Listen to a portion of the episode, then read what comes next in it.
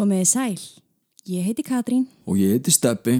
og í dag ætlum við að segja ykkur draugasögu. Eitt frægasta draugahúsið í Wisconsin er staðsett í norðurhluta fylgisins.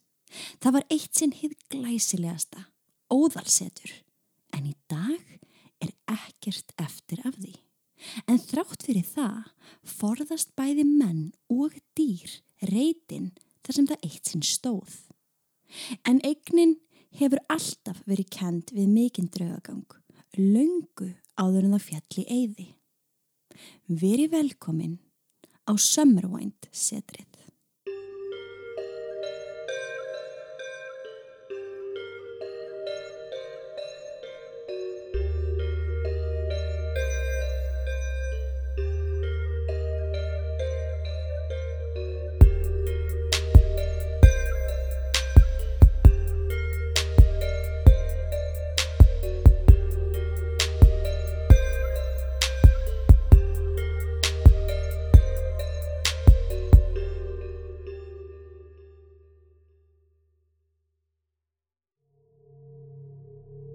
Við viljum minna á að draugasögurnar okkar eru ekki við hæfi barna yngre en 13 ára nema með leiði fullorna. Og með því hefjum við sögu dagsins.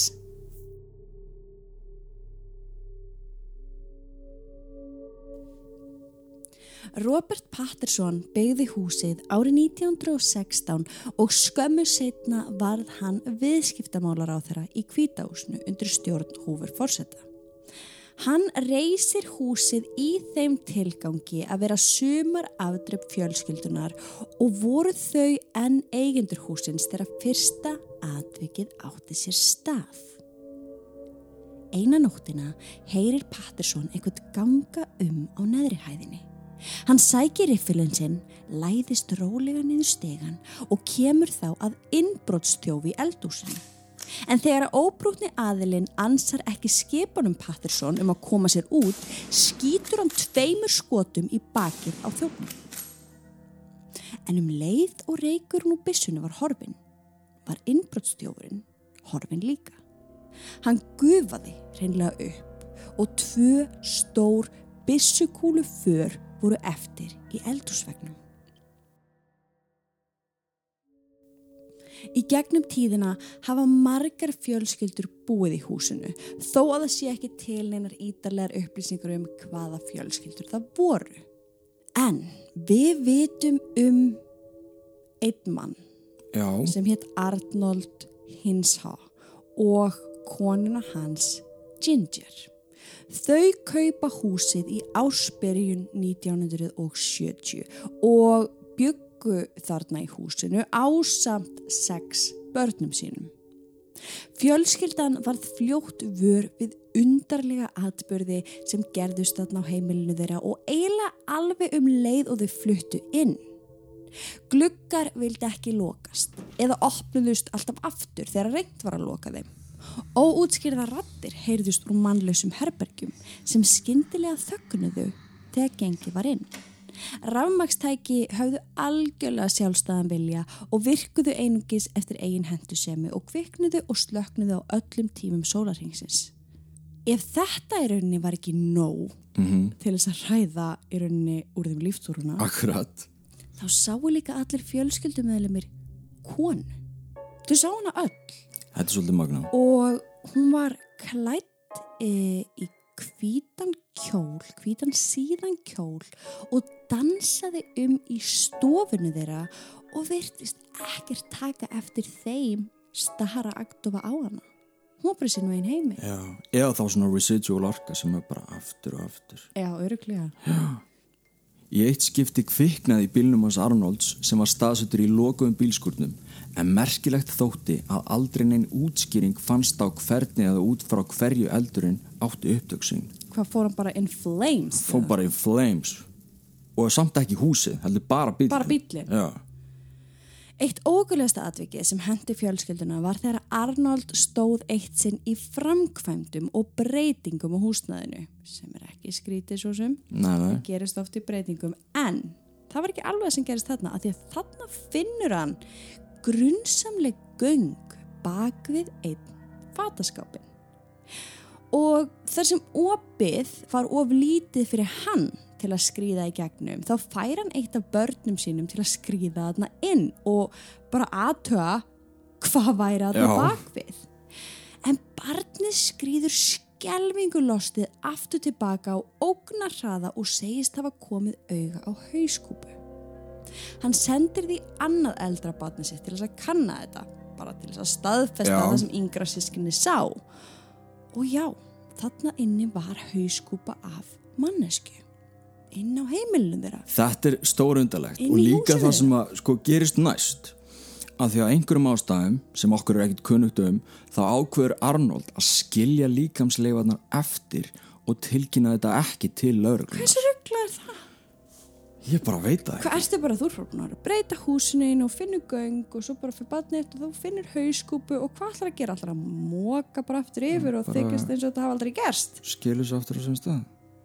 Ég, ég veit. Næ, Eftir þetta atviksamt þá byrjaði draugagangurinn á heimilinu að verða ennþá meiri en nokkuð tímum áður og bara stuttu setna þá fær Arnold tauga áfall og eiginkonans reynir að fremja sjálfsvík.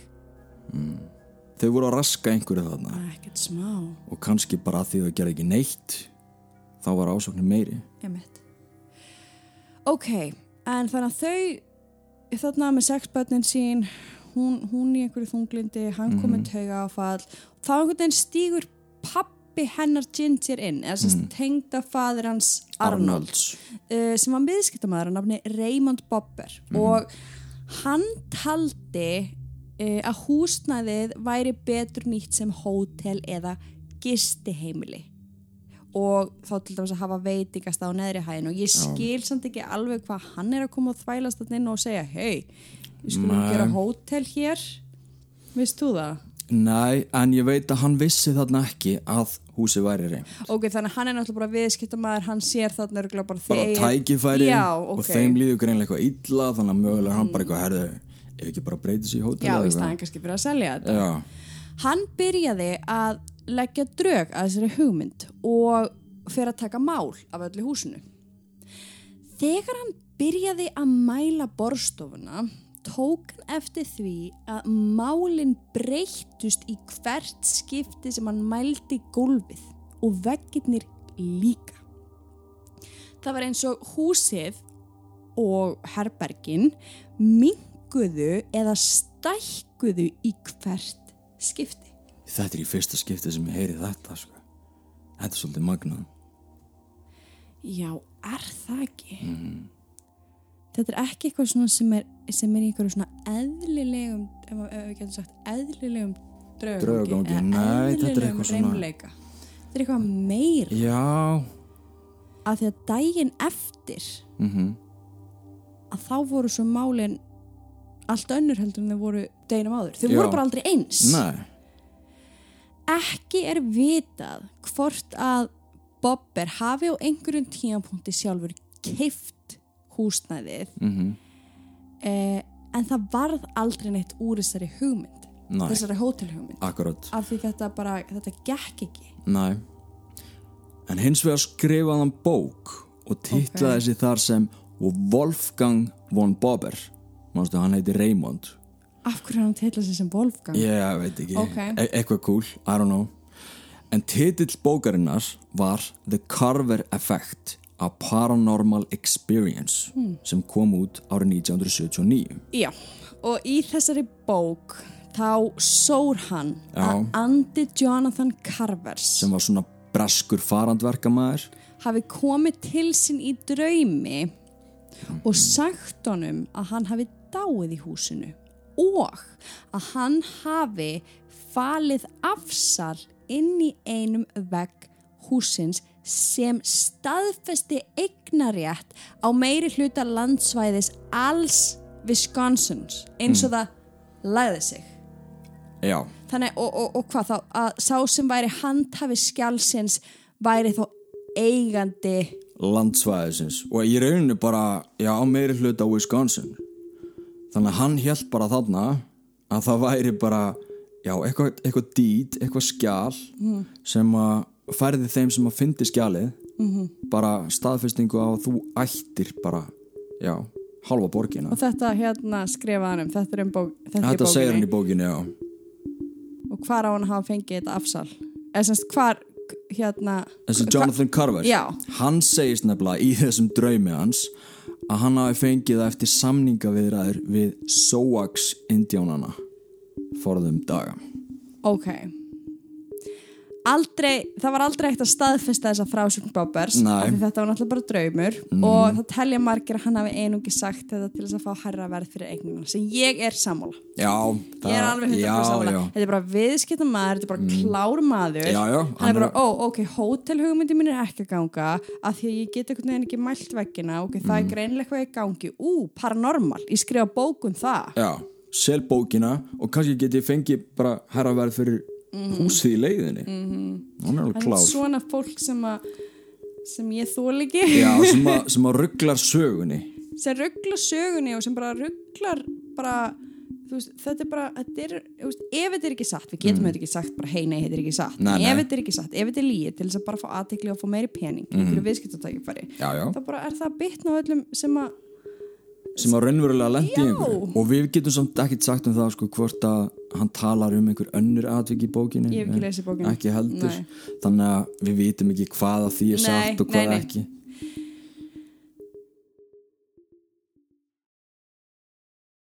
Þegar þú ert búinn að hlusta á þennan þátt skaltu kíkin á patreon.com skástrík draugasögur þar sem við bjóðum upp á þrjár mismunandi áskriftaleiðir. Draugasögur aðdáðandur fá einn auka þátt í mánuði, draugasögur fjölskyldan far fjóra auka þætti í mánuði og draugasögur kynnslóðin þar sem þú far fjóra auka þætti hverju mánuði, eina mínisögu í hverju viku, sönnunagögn og myndefn úr öllum rannsóknum okkar, tekur þátt í spjallþáttum með okkur og margt, margt fleira. Nýjir áskrifundur fá aðgang á öllu efni frá upphafi strax við skráningu. Eftir hver er þú að býða?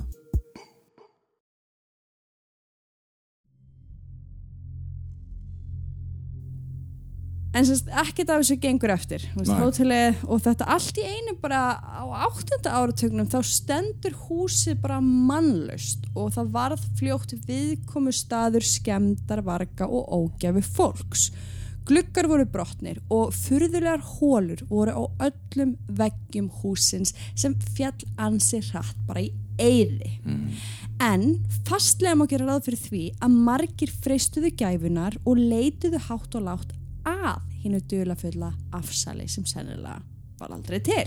Já, þetta er svona eins og fjarsjósleit. Einhver segist að hafa fundið kort og þá fara bara allir að leita þangar til að við finna það. Á vor mánuðum 1987 fór paranormal rannsakandi í skoðunaferð um húsið sem þá var ansi illa á sig komið. Þetta er árið 1987. Þið getið ímyndað ykkur hvernig paranormal rannsakendur voru á þeim tíma. -hmm. Við vorum ekki með svona mikið að tækjum og tónum. Nei, nei. að eigin sögn þá segist hann hvorki að hafa séð eða heyrt neitt í þessari heimsóksinni en það gerður samt atbyrðir sem, sem honum þótti undarlegir. Já, Hann líka mældi veggi húsins með málbandi og tók ljósmyndir af mælingunum og viti menn. Málunum skeikaði um heilu metrana í hvert skipti sem hann mældi nákvæmlega sama veggin. hvernig? Og áttaviti sem hann hafði með sér ringsnýrist líka allan tíman sem hann var á staðnum. Þetta, er svolítið bara eins og hérna í Suicide Forest. Já, akkurat. Ef Suicide Forest hefði veggi, Já, þá væri þeirra stækka Já. og minka. er það ekki? Jú. Er þetta ekki bara svolítið eins og bara það?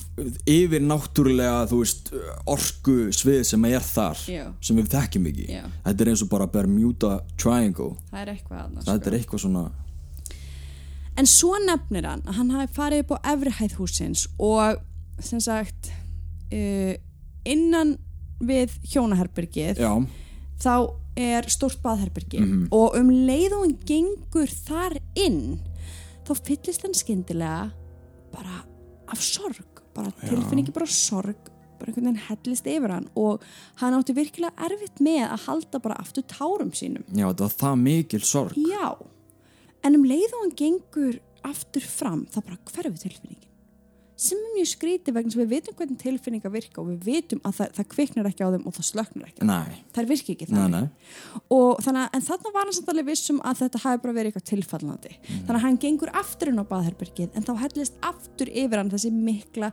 sorgar tilfinning. Og í þetta skipti leiðanum raunverulega eins og hann væri að fá tauga áfall þannig að hann drösla sér aftur fram á gang og aftur hverfur tilfinningin alveg jafn hratt eins og slögt að bara vera á takka Já. Og þarna er hann fullvis um að eitthvað hræðilegt hafi gerst inn á þessu baðherbyrgi sem ég get alveg eins, get alveg Já, þetta er náttúrulega paranormal rannsakandi einmitt, að þú veist og hann er þarna fyrst að efast um sjálfan sig bara nei, þetta var og bara. Já, en þarna bara samkvæmt sér sjálfum Mhm. þá vill hann meina einmitt að eitthvað hræðilegt hafi gerst hann Mhm. hefur fundið það á tilfinningunni en hann er ekkert að segja neitt mikið meira sem ég veist einmitt líka alveg svolítið trúverðugt þú bara svona, já, ok, nei, tilfinningin kom mjög líklega hefur bara eitthvað slemt gerst Já. en ekkert, og hann, og hann fullvissir fólk um að þú veist, hann sá ekki neitt, hann heyrði ekki neitt Nei. í þetta skipti, en þetta gerist en þetta gerist Mhm. Í júni árið 1988 geisaði mikill stormur yfir svæðið og varð húsið fyrir eldingu sem olli því að það brann niður til kaldra kóla. eins og að lagði sig ertu til í að bara aðtöga, hver eru líkur að hús verði fyrir eldingu? Já, líkurnar eru svona einna móti 200 Ég held að það væri minna. Já, ég held það líka, en þetta er greinlega það algengt Við bara sjáum þetta ekki að því að við verðum ekkit fyrir eldingum enna heima Nei. En eftir að húsið varð fyrir eldingu að þá bara brann það niður til kaldra kóla. Og í dag þá er ekkert eftir að húsinu. Nema grunnur að því sem eitt sinn var kjallari og það vilja margir meina að það sé ennþá hægt að koma auga á undarlegu ljós á lóðinni og hvítklæta konu dansa um í tungsljósinu líkt og enginn sé að horfa á hana. Það þykir líka merkilegt að engin dýr verðast hreyðra um sig á lóðinni eða koma nálægtinni yfir höfuð. Þetta er alltaf skrítið að því dýr eru svo ótrúlega næm þannig að ef að dýr er að forðast eitthvað þá er eitthvað þar. Það er bara þannig. Já, Þannig bara virka dýr og bara alveg svo með fugla, skilur ef að hættar á ferð að þá fljúa fuglarnir þeir. burt. Og þau getur til dæmis að ég læriði þegar ég var að læra kvikmyndagerð Mm. að alltaf í bíómyndum ef, að, ef, að, ef einhver í bíómynd ætlar semst að reyna að segja þær í myndmáli bara það er hægt á ferð, þá bara lætur hann fugla fljúa já, af því að, eða dýr hlaupa eitthvað þannig, út af því að það bara, það, þetta er bara eðli þeirra. Já, það bara viti þetta allir þetta er alls þar í öllum heiminum þetta er bara almenn þekking. Mm Bara fyrsta fight and flight hérna, syndrómið og ekki nóg með það að það séu dýr engin dýr sem vilja vera aðna heldur þá vext heldur engin gróður á þessum stað Þetta er undalegt sem er líka bara ótrúlega skrítið. Og þetta er líka aðna með djöflatrið það var aðna engin gróður þar. Við höfum alveg tekið fyrir Já, nokkra nokkra staði. Já Sennilega munum við aldrei vita fyrir víst hvort að draugagangur hafi verið viðlógandi í Summerwind setrinu. En það eru þó allir sammála um að góðsögnin um draugagangin lifir enn þann dag í dag.